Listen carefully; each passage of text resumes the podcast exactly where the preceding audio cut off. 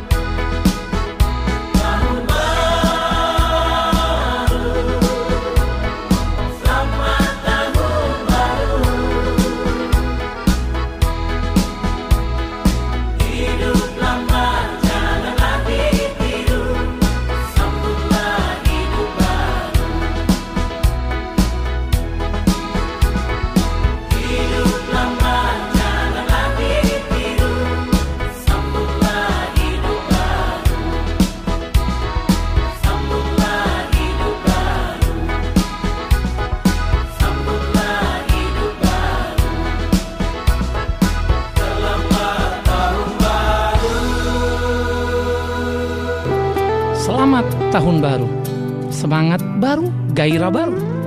Kata baru selalu akan mewarnai tiap tahun yang baru. Apa pun kita sebut baru, sekalipun yang baru, tak selalu baru. Karena ada sebelum yang baru ada. Ya, di waktu lampau, yang baru itu baru dari waktu yang sebelumnya. Sebaliknya yang baru sekarang akan menjadi tidak baru di waktu yang berikutnya. Karena itu, semangat dan gairah seharusnya tak mengikuti perubahan tahun, melainkan bertumbuh sepanjang perjalanan waktu. Semangat dan gairah harus mewarnai dinamika di dalam kehidupan anak manusia. Bertanding, bertarung, mengubah wajah zaman. Bertanding, bertarung, menciptakan pengharapan. Bertanding, bertarung, membuat berbagai perubahan. Sehingga hidup semakin hari semakin menjanjikan. Semangat baru, gairah baru sekali lagi. Jangan hanya diwarnai kata baru, tetapi betul-betul menginspirasi untuk menghadapi realita yang terus berubah dari zaman ke zaman. Memasuki tahun yang baru, krisis selalu mewarnai kehidupan, ekonomi, politik, atau apa pun juga. Karena itu, Anda tak bisa berharap tahun yang baru, maka akan menjadi baru sebuah realita. Artinya lebih baik dari yang kemarin. Karena ternyata bisa saja realita menjadi lebih buruk, tambah buruk, bahkan sangat buruk. Namun, realita tetap sebuah realita karena Anda yang menjalaninya. Realita tetap sebuah realita karena Anda harus memainkan perannya. Realita tetap sebuah realita. Jika Anda bijak, maka Anda pemenangnya. Karena itu, miliki semangat yang kuat dan tangguh di pertarungan zaman. Jangan kalah dan menjadi pecundang, tapi menang mencipta harapan. Semoga tiap ayunan langkah memasuki harapan baru demi harapan baru. Karena Anda terus punya semangat yang diperbaharui dari waktu ke waktu. Tahun boleh berganti, semangat tetap sama. Tahun boleh berganti, tapi Anda harus menjadi semakin luar biasa. Bersama saya, Bigman Sirait.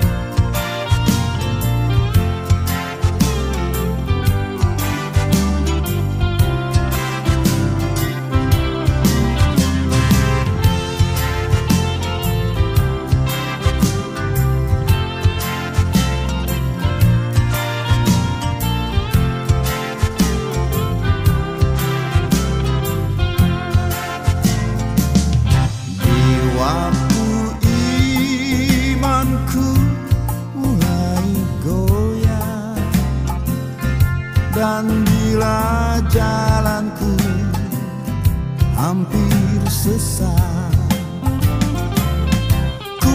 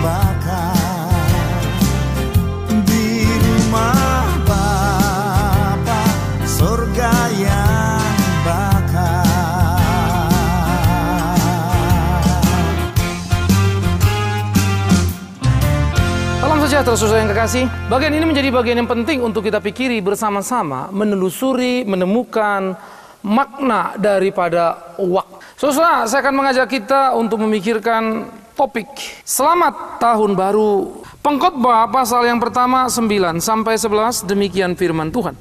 Pengkhotbah pasal 1 9 sampai 11. Apa yang pernah ada akan ada lagi dan apa yang pernah dibuat akan dibuat lagi. Tak ada sesuatu yang baru di bawah matahari. Adakah sesuatu yang dapat dikatakan, lihatlah ini baru. Tetapi itu sudah ada dulu, lama sebelum kita ada. Kenang-kenangan dari masa lampau tidak ada, dan dari masa depan yang masih akan datang pun tidak akan ada kenang-kenangan pada mereka yang hidup sesudahnya. Saudara yang kekasih, karya baru, penemuan baru, semangat baru, tahun baru. Sejujurnya, memang kita berbahagia menerimanya. Tetapi di baliknya, nyatalah sebetulnya betapa terbatasnya kita manusia. Sehingga membutuhkan satu kata baru, kita ditelan oleh sebuah perubahan dan kita tidak berdaya untuk melawannya.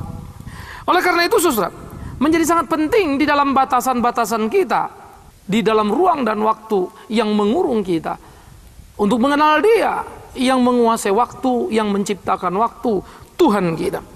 Nah, oleh karena itu saya ingin mengajak kita untuk melihat dulu, memahami perputaran waktu.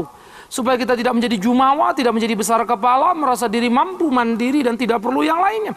Tetapi kita betul-betul perlu menemukan satu kesejatian untuk hidup di dalam takut akan Tuhan. Menemukan kebenaran. Sehingga ketika pun kita meninggalkan dunia, ada satu hal yang perlu dicatat, ada satu hal yang penting tentang kita sebagai manusia. Perputaran waktu, saudara. Dalam perspektif sejarah, nah saya ingin mengatakan ini dalam berbagai sudut. Dalam perspektif sejarah, ada orang paling tidak tiga memahami tentang perputaran waktu. Yang pertama menganggap waktu adalah sebuah perputaran circle, lingkaran. Dia terus berputar, berputar, berputar, berputar, berputar, berputar, tiada hentinya. Sehingga hidup sebetulnya dikatakan semacam satu maya, dunia maya, tidak real. Ya, sampai nanti berakhir pada satu titik bertemu dengan yang ilahi. Yang kedua, saudara, ada orang memahami perspektif sejarah itu waktu itu bersifat spiral. Jadi maju tapi mundur lagi, maju, mundur lagi, maju, mundur lagi. Nah terus, kalau yang satu lingkar, satu spiral. Iya, maju, mundur, maju, mundur, maju, mundur. Membentuk spiral. Nah, Fenomena-fenomena ini bisa dipahami. Yang pertama kalau circle ya kan manusia begitu-begitu terus toh nggak ada yang lain-lain. Jadi lingkar saja. Yang kedua spiral menganggap memang kita maju tapi ada waktunya kita mundur lalu maju lagi, mundur lagi, maju lagi, mundur lagi. Yang ketiga adalah linear. Sebetulnya sejarah atau hidup itu berjalan terus dalam satu garis diawali dan akan berakhir pada satu titik yang penting. Nah, berjalan secara linear sampai titik. Bahwa memang ada kemajuan di dalam perilaku manusia dan mundur di dalam moral manusia itu soal sesuatu yang terjadi tapi di dalam waktu yang berjalan linear tadi, waktu yang terus berlanjut tadi. Nah, di dalam bagian-bagian inilah kita perlu memikirkan bersama-sama. Mana? Sebagai orang Kristen kita percaya betul, waktu itu berjalan linear, terus maju. Ya. Tetapi di dalam waktu yang berjalan maju itu sering kali kita gagal membangun karya yang penting di dalam kehidupan kita. Nah ini yang perlu untuk kita pikirkan sama-sama. Tidak seharusnya itu terjadi, tetapi mengapa itu bisa terjadi? Nah saudara, di dalam bagian yang kedua, perspektif sosiologi. Kalau tadi sudah kita melihat perspektif sejarah seperti itu, maka perspektif sosiologi.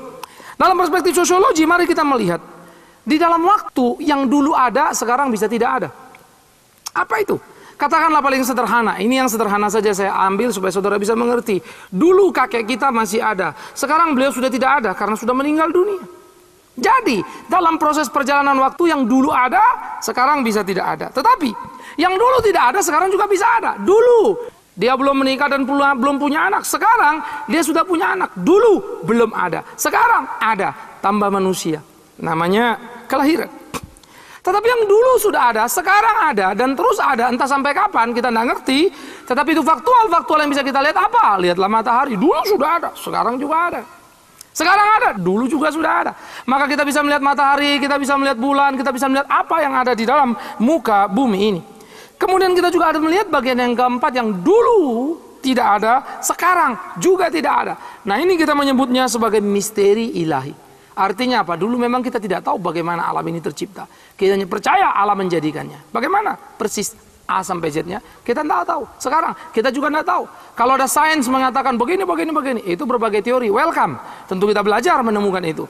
Tetapi finalitas dalam segala sesuatu tetap adalah misteri yang tersisa yang tak pernah terungkapkan secara tuntas. Nah ini perlu dipikirkan, saudara-saudara. Jadi dalam perspektif sejarah ataupun dalam perspektif sosiologi, betapa minimnya pemahaman kita tentang ruang waktu, alam semesta, dan apa yang terjadi dalam hidup manusia. Karena itu, karena itu, adalah wajar kalau saudara bertanya-tanya, ada gerangan apa yang terjadi hari ini, lalu bagaimana besok? Karena itu pengkhotbah mengatakan ada orang apa ada waktu melahirkan, ada waktu meninggal, ada waktu menangis, ada waktu tertawa, tidak ada waktu abadi segala-galanya tanpa sebuah perubahan. Yang tidak berubah cuma satu, ya perubahan itu sendiri. Karena dia terus-menerus berubah. Apa pun sepertinya ditelan dan dimakan oleh waktu. Nah, oleh karena itu misteri-misteri seperti ini menjadi sesuatu yang sangat serius untuk kita pikirkan. Apa yang kita sebut sekarang ini adalah masa lalu, katakanlah kemarin itu masa lalu kita. Tapi kemarin yang masa lalu kita itu adalah masa depan yang ditunggu-tunggu oleh kakek kita yang sudah meninggal. Tapi dia nggak nyampe-nyampe. Dia menunggu-nunggu masa depan, ya memiliki mobil misalnya. Tapi dia tidak punya mobil. Nah kita yang angkatan muda sudah punya mobil. Jadi masa kini kita bisa masa lalu kakek kita, bahkan masa depan kakek kita itu bisa masa lalu kita. Jadi bukan saja masa kini. Dan demikian pula sebaliknya. Apa yang kita sebut masa depan itu bisa menjadi masa lalu bagi anak-anak kita. Kita tidak bisa menangkap semuanya dalam waktu. Kita tidak bisa memiliki semuanya di dalam waktu. Kita terkurung, kita terjebak, kita kehilangan. Betapa rentannya manusia. Karena itu sebetulnya apa alasan manusia untuk berpongah, bersombong diri, merasa sesuatu serba hebat dan luar biasa. Hanya orang-orang bodoh yang tidak bijak menggunakan waktu di dalam hidupnya, mengisinya dengan hal-hal yang bernilai. Tetapi orang bijak, dia akan mencari nilai-nilai tinggi yang bersifat hakiki di dalam kehidupan, mengisi waktu-waktu yang ada. Nah, saudara-saudara, mari kita belajar memahami nilai-nilai yang ada di dalam perspektif teologi. Apa yang kita sebut perspektif teologi itu nilai, kairos, nilai, kronos. Dua bagian ini menjadi sangat penting sekali, yaitu nilai kronos dan nilai kairos. Nah, memahami nilai-nilai baru di dalam kehidupan kita. Apa yang dimaksud kronos? Apa yang dimaksud dengan kairos? Nah, saudara, istilah kronos di dalam bahasa Yunani mengacu kepada waktu yang berjalan, kronologi, ya, atau kronologis. Senin, Selasa, Rabu, lalu ketemu Senin, pagi, siang, sore, lalu ketemu pagi lagi. Nah, itu berputar dalam perjalanan waktu. Nah, jam-jam seperti ini disebut kronos. Ya, ada yang datang, ada yang pergi dan seterusnya. Ada yang makan, ada yang minum dan seterusnya. Nah itu kronos. Tetapi bagaimana dengan kairos? Ini menjadi sesuatu yang berbeda. Kairos adalah waktu di mana Allah intervensi dalam hidup manusia. Ya, Kairos mempunyai nilai-nilai hakiki yang tidak mungkin dikerjakan oleh manusia. Kairos punya nilai-nilai yang luar biasa yang tidak mungkin diselesaikan oleh manusia kecuali oleh Allah itu sendiri. Nah ini Kairos. Nah oleh karena itu saudara, di dalam perjumpaan-perjumpaan pemahaman ini menjadi penting bagi kita. Kita sering kali merasa hebat dan luar biasa hanya karena kita berjalan di dalam kronos, membangun berbagai karya. Tetapi kita lupa bahwa kita tidak memiliki nilai kairos sehingga kita layaknya manusia keropos. Iya, seperti mobil yang tampak bagus tetapi deknya mesinnya sudah tidak karu-karuan, cuma bagus polesan saja. Tapi dalam sesungguh keropos dibawa jalan langsung hancur tidak karu-karuan. Nah, Memahami nilai-nilai kronos, mari kita lihat. Waktu yang kita sebut 2004 baru ini waktu apa? Di dalam perjalanan kronos itu saudara paling kita mengenal apa yang disebut ilmu mental moral misalnya. Nah, di dalam keilmuan, dulu kita tidak tahu, sekarang kita tahu. Dulu kita tidak mengerti, sekarang kita mengerti. Ada pertumbuhan pemahaman kita, ada bertambahan pengetahuan kita. Sehingga orang berkata, dulu dia bodoh, sekarang pintar sekali. Dulu tidak ada penemuan-penemuan yang luar biasa, sekarang ada penemuan-penemuan hebat sekali. Nah itu menunjukkan kecerdasan, kepintaran manusia yang bertumbuh. Ya. Yang kedua, dari segi mental. Mental juga bisa dibangun, dibentuk menjadi kuat. Sehingga orang-orang yang mental breakdown itu bisa dibangun kembali, segar kembali. Mereka-mereka yang kalah di dalam perjuangan, pertarungan kehidupannya bisa menjadi menang di tengah-tengah perjuangan itu sendiri. Maka mental yang tadinya lemah bisa menjadi kuat seturut dengan pembentukan-pembentukan yang bisa dikerjakan. Masalah moral pun sama. Bad or good daripada masalah moralnya, moralitinya. Itu bisa dilatih saudara, bisa diajar, bisa dididik. Pengalaman bisa menempa seseorang untuk memiliki moral yang baik. Pergaulan-pergaulan yang baik bisa membawa orang kepada nilai-nilai yang baik. Nah seluruh itu di dalam konsep kronos. Menjadi suatu perubahan yang kita sebut perbaikan. Dari yang kurang baik menjadi baik. Dari yang kurang kuat menjadi kuat. Dari yang tidak tahu menjadi tahu. Tidak tahu menjadi tahu itu namanya ilmu. Ya, lemah menjadi kuat itu namanya mental. Jelek menjadi baik itu namanya moral. Tetapi semuanya dikurung dalam satu kata kronos. Nah, oleh karena itu kronos yang sangat terbatas tadi penting untuk kita pikirkan sama-sama, saudara. Kalau kronos yang sangat terbatas itu menjadi kebanggaan kita, ingat itu ditelan waktu. Dia tidak mempunyai nilai-nilai kekal. Dia tidak mempunyai nilai-nilai yang mutlak harus begitu. Semuanya mengalami perubahan dan pertarungan yang sangat hebat. Perhatikan coba. Ya, dulu sebelum Galilei, Galileo orang berkata bumi tidak berputar, tetapi matahari yang bergerak mengelitari bumi. Tetapi kemudian datang Galilei, Galileo lalu dikatakan bukan, tapi bumi yang berputar. Nanti kita tidak tahu lagi. Apakah kemudian ada teori baru? Maybe. Tetapi ada banyak hal-hal yang dulu kita tidak tahu, kemudian kita menjadi tahu. Dalam penemuan-penemuan fisika semakin dijelaskan ini, dijelaskan itu tentang alam semesta. Dan itu akan menjadi semakin luar biasa. Ya. Jadi sesuai yang kekasih, di dalam bagian-bagian seperti ini selalu ada yang baru, baru, baru, baru, baru penemuan tadi.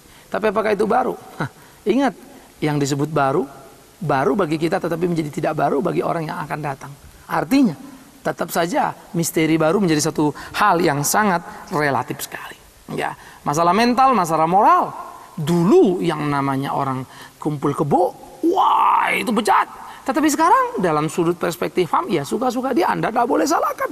Ketika itu diterima oleh umum, maka itu menjadi bukan masalah jahat atau apa namanya baik atau tidak baik. Karena umum menerima. Artinya, yang dulu tidak baik bisa jadi baik sekarang. Ya, yang dulu dianggap baik bisa jadi, bisa jadi tidak baik sekarang ini. Nah ini perubahan-perubahan yang mengalami perbaikan-perbaikan, entah naik, entah turun, entah semakin baik atau tidak, itu sangat relatif sekali. Itu menyangkut kepada nilai-nilai yang diyakini oleh masing-masing. Jadi saudara itu sebab kita bingung. Anak itu kok jahat sekali, kok sekarang bisa jadi baik ya? Dulu anak itu baik sekali, kok sekarang jadi jahat ya? Misteri bukan? Karena itu kesejatian hanya ada pada pertobatan. Dapatkan itu hanya di dalam Tuhan. Maka kita bisa menemukan nilai-nilai yang luar biasa. Maka ilmu, mental, moral itu bergantung pada rasio manusia, kemampuan manusia dibutuhkan dan bisa di sana. Tetapi spiritual, pertobatan hanya merupakan intervensi dari Allah, apa yang kita sebut di dalam iman. Saudara, memasuki tahun sepanjang 2004 ya terus menjalani masa-masa ini, saya ingin mengajak kita untuk menemukan kesejatian di tengah-tengah kehidupan manusia berkarya. Ya, khususnya di dalam konteks bangsa kita tentang kepemimpinan. Bagaimana pemimpin-pemimpin kita kita temukan atau pemimpin-pemimpin kita menyatakan dirinya dan kita bisa melihat mereka orang-orang bermutu yang luar biasa yang sudah selayaknya memimpin bangsa ini. Tak mudah, Saudara. Tidak mudah. Tetapi juga bukan berarti kita hanya diam saja. Kita boleh perlu berperan serta untuk memberikan kontribusi menemukan kesejatian pemimpin. Bukan sekedar mengkritiki, mengkritisi, tapi tidak berbuat apa-apa kecuali memprovokasi. Saya kira itu tidak bijak. Bagaimana kita turun sama-sama supaya para pemimpin kita tahu apa itu malu. Ya, Anda tidak perlu lagi mau diprovokasi untuk begini, untuk begitu, bikin ini, bikin itu atas nama A, atas nama B.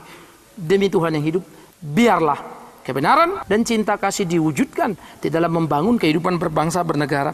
Kita mimpi pemimpin berkualitas kronos yang punya ilmu tinggi, mental kuat, moral baik. Tetapi kita juga mimpi seorang pemimpin yang mempunyai nilai-nilai kairos spiritualnya yang terpuji dan luar biasa.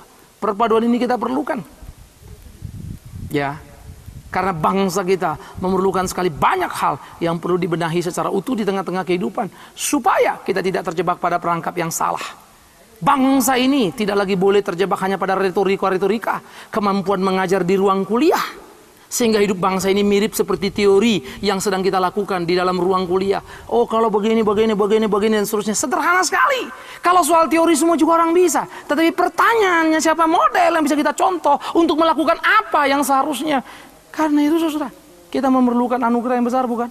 Cinta kasih yang memberikan pencerahan dan pertanggungjawaban yang solid. Maka bangsa ini bisa bangun kalau masing-masing mempunyai kesadaran kebersamaan yang kuat. Kalau masing-masing saling mampu menghargai, masing-masing bisa selalu mempercayai sebagai satu anak bangsa yang punya satu bahasa dan satu bangsa yaitu Indonesia. Tetapi bagaimana sekarang kita melihat siapa pemimpin yang sudah berbuat? Bukan yang berkata-kata, bukan yang cuma mampu menganalisa, apalagi menyatakan dirinya baik yang lain jahat. Tetapi bagaimana kita bisa melihat nilai-nilai mereka? Jangan jangan kairos dulu lah ya. Kronosnya saja dulu. Ilmunya, ya mentalnya, ya moralnya. Zaman kita sekarang banyak orang baik. Bukan karena dia baik. Karena belum ketahuan jahatnya. Perhatikan kalimat saya. Banyak orang baik. Bukan karena dia baik. Karena belum ketahuan jahatnya. Oke saudara, mengerti maksud saya? Nah karena itu, saudara-saudaraku yang kekasih di mana pun Anda, siapa pun Anda, yang rindu kepada kebenaran sejati, mari kita menjelajah dengan memainkan sikap menjadi alat saringan, filter, mengkritisi apa yang terjadi. Iya, tak penting dia sukuku atau bukan, agamaku atau bukan, tapi penting dia anak Indonesia berkualitas atau bukan. Ilmu yang tinggi, mental yang kuat, moral yang baik. Sekali lagi hati-hati. Yang baik belum tentu baik, mungkin karena kejahatannya belum ketahuan. Ya, yang jujur sekarang Anda lihat belum tentu jujur. Mungkin karena belum ada kesempatan untuk korupsi. Kalau sudah ada juga dia korupsi. Nah kalau sudah gini mau apa? Karena itu cermati orang, bukan satu tahun, dua tahun, lima tahun di belakang. Tapi cermati dia dari bagaimana dia hidup. Perubahan-perubahan di dalam kehidupannya. Sehingga itu bisa membawa kita menikmati kronos. Tetapi jangan lupa berdoalah supaya mendapatkan kairos itu. Karena kronos pun perubahan bersifat sangat relatif dan sementara. Termakan oleh waktu dan tertelan olehnya. Tetapi kairos, kesejatian firman yang hidup itu. Menghidupkan hidup kita. Menjadikan kita bangsa berbobot, bermutu tinggi yang luar biasa. Sehingga nilai-nilai hidup kita, perspektif hidup kita berubah. Menjadi satu nilai yang luar biasa. Bukankah dengan cara itu kita akan memberikan sumbangsi yang utuh dalam hidup berbangsa dan bernegara? Karena itu, saya tidak tanya apa sukumu, saya tidak tanya dari mana asalmu, tapi aku mau bertanya padamu, selamat tahun baru, apa yang baru dalam hidupmu? Temukan kesejatian itu, biar Tuhan yang bermurah hati memberikan cinta kasih, menyatakan kuasanya, supaya kita boleh menemukan diri karena cinta kasih yang ilahi, sehingga di dalamnya sungguh ada kemenangan masa depan bagi bangsa ini. Selamat tahun baru, apanya? Yang baru. Saya harap Anda lah yang baru. Karena makin berilmu, makin kuat mental, makin baik moral dan spiritual. Anda mengalami kemenangan dan kelimpahan. Amin.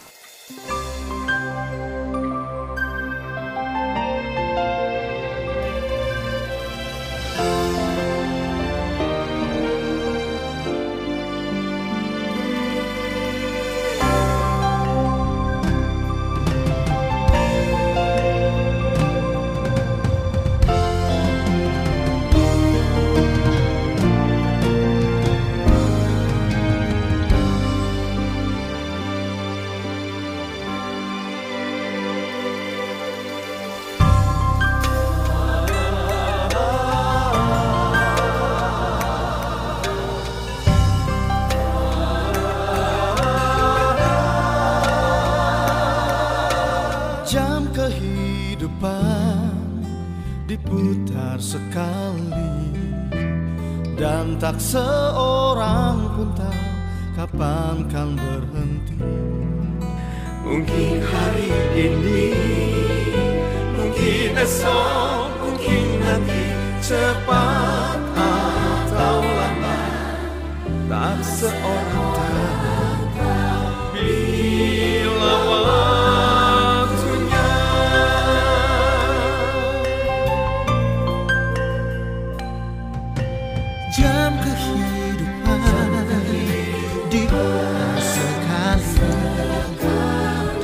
seorang pun tahu kapan kan berhenti.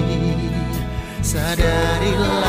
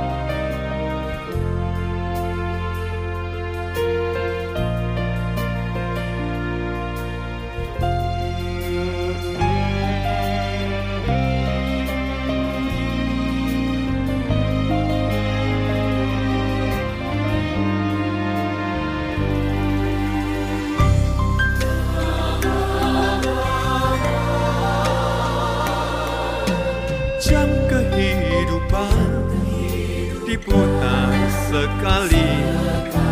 Dan tak seorang pun tahu kapan kan berhenti. Sadarilah kawan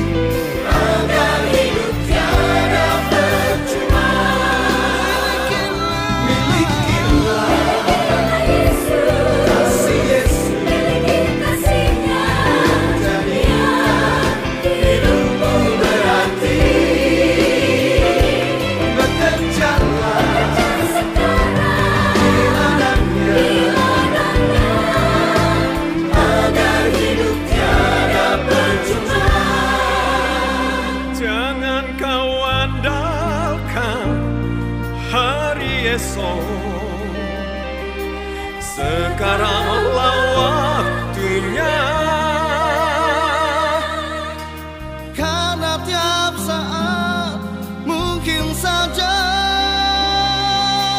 Jarum jam itu dapat berhenti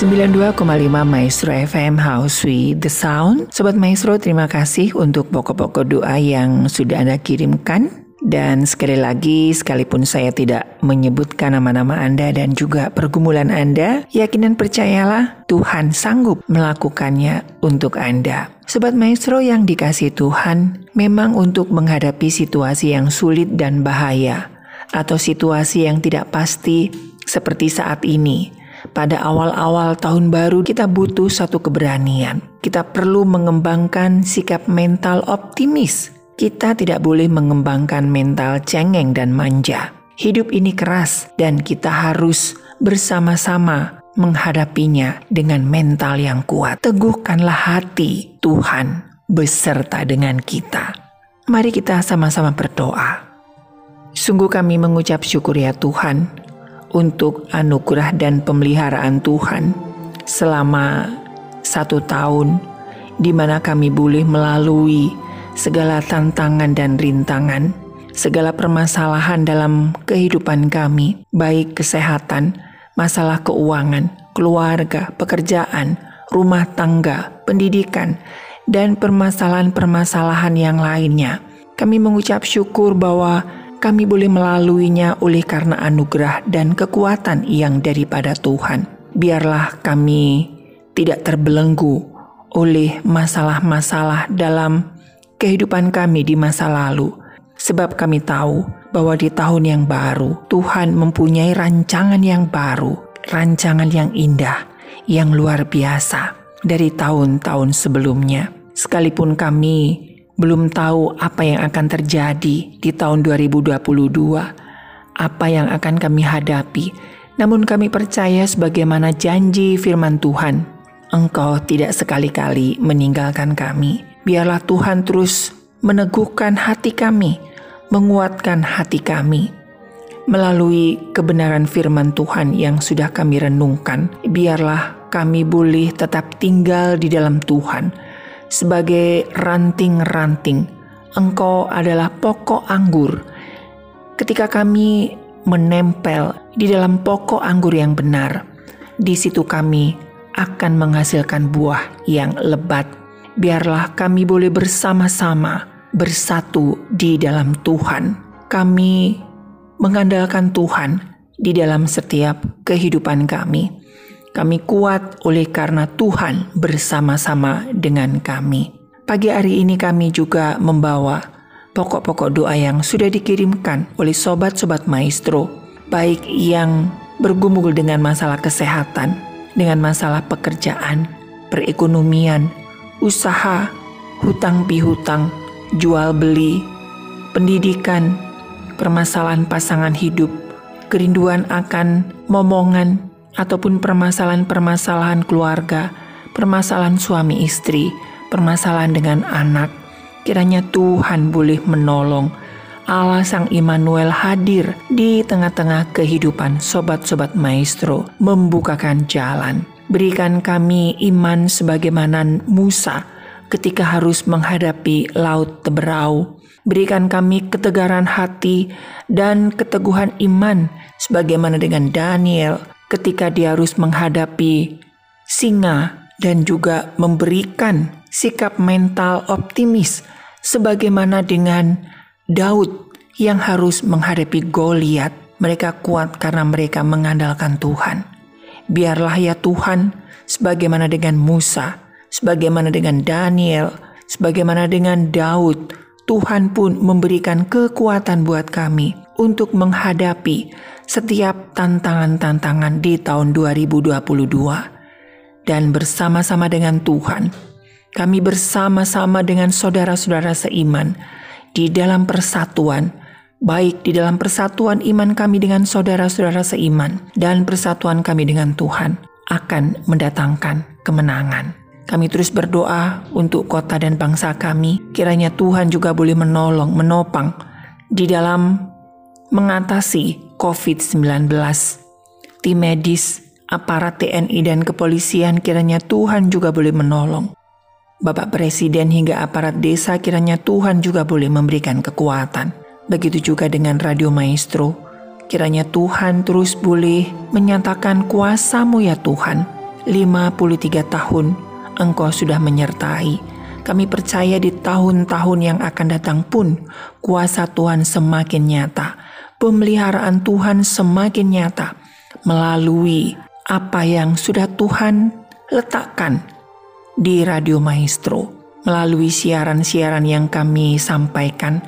Kiranya kasih dan kebenaran boleh membuka selubung-selubung sobat-sobat maestro yang mungkin masih di dalam kekerasan hati, mereka boleh bertemu secara pribadi dengan Tuhan, memberkati dan mengurapi tim manajemen, memberkati dan mengurapi setiap kru yang bertugas, memberkati sobat-sobat maestro yang setia mendukung pelayanan di tempat ini melalui periklanan, donasi, doa, dan dukungan-dukungan yang lainnya. Kiranya Tuhan memberkati, memberkati gereja-gereja Tuhan, memberkati hamba-hamba Tuhan. Kiranya penyertaan Tuhan juga nyata atas mereka. Terima kasih ya Tuhan, kami mengucap syukur atas anugerah dan pertolongan-Mu di mana kami boleh memasuki tahun yang baru. Inilah doa ucapan syukur dan seruan kami, hanya kami alaskan di dalam satu nama, Tuhan kami Yesus Kristus. Kami berdoa. Mari kita angkat tangan di hadapan Bapa di sorga dan terimalah berkat Tuhan. Segala berkat kasih karunia daripada Allah Bapa di sorga, rahmat cinta kasih yang berlimpah-limpah dari Tuhan Yesus Kristus, di dalam persekutuan yang manis dengan roh Allah yang kudus, turun atas kehidupan kami, menyertai langkah hidup kami, memberkati kami saat ini, sampai selama-lamanya. Amin.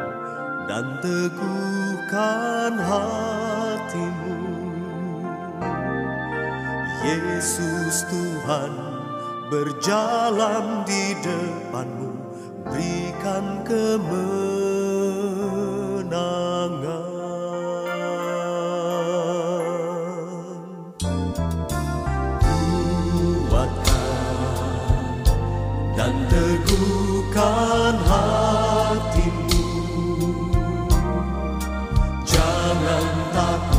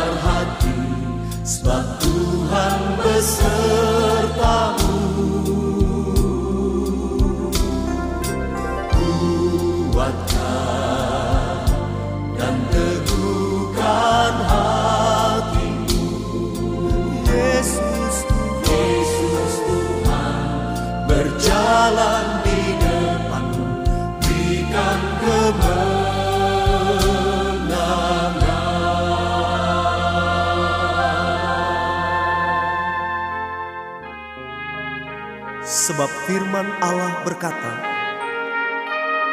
Bukankah telah kuperintahkan kepadamu, kuatkan dan teguhkanlah hatimu. Janganlah kecut dan tawar hatimu, sebab Tuhan Allahmu menyertai engkau ke mana pun engkau pergi. katakan selalu firman Tuhan. Renungkan siang malam. Jangan takut dan gentar Setiap dia selalu sertamu.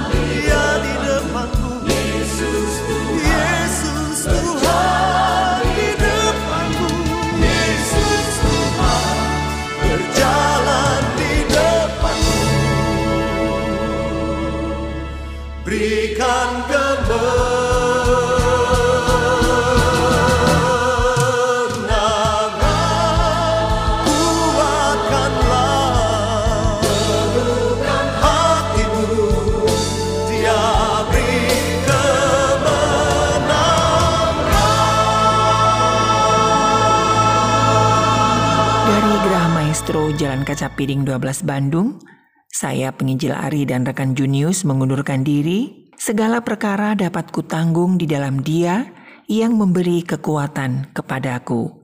Selamat siang, selamat menikmati berkat-berkat Tuhan dan Tuhan memberkati. Stronger together.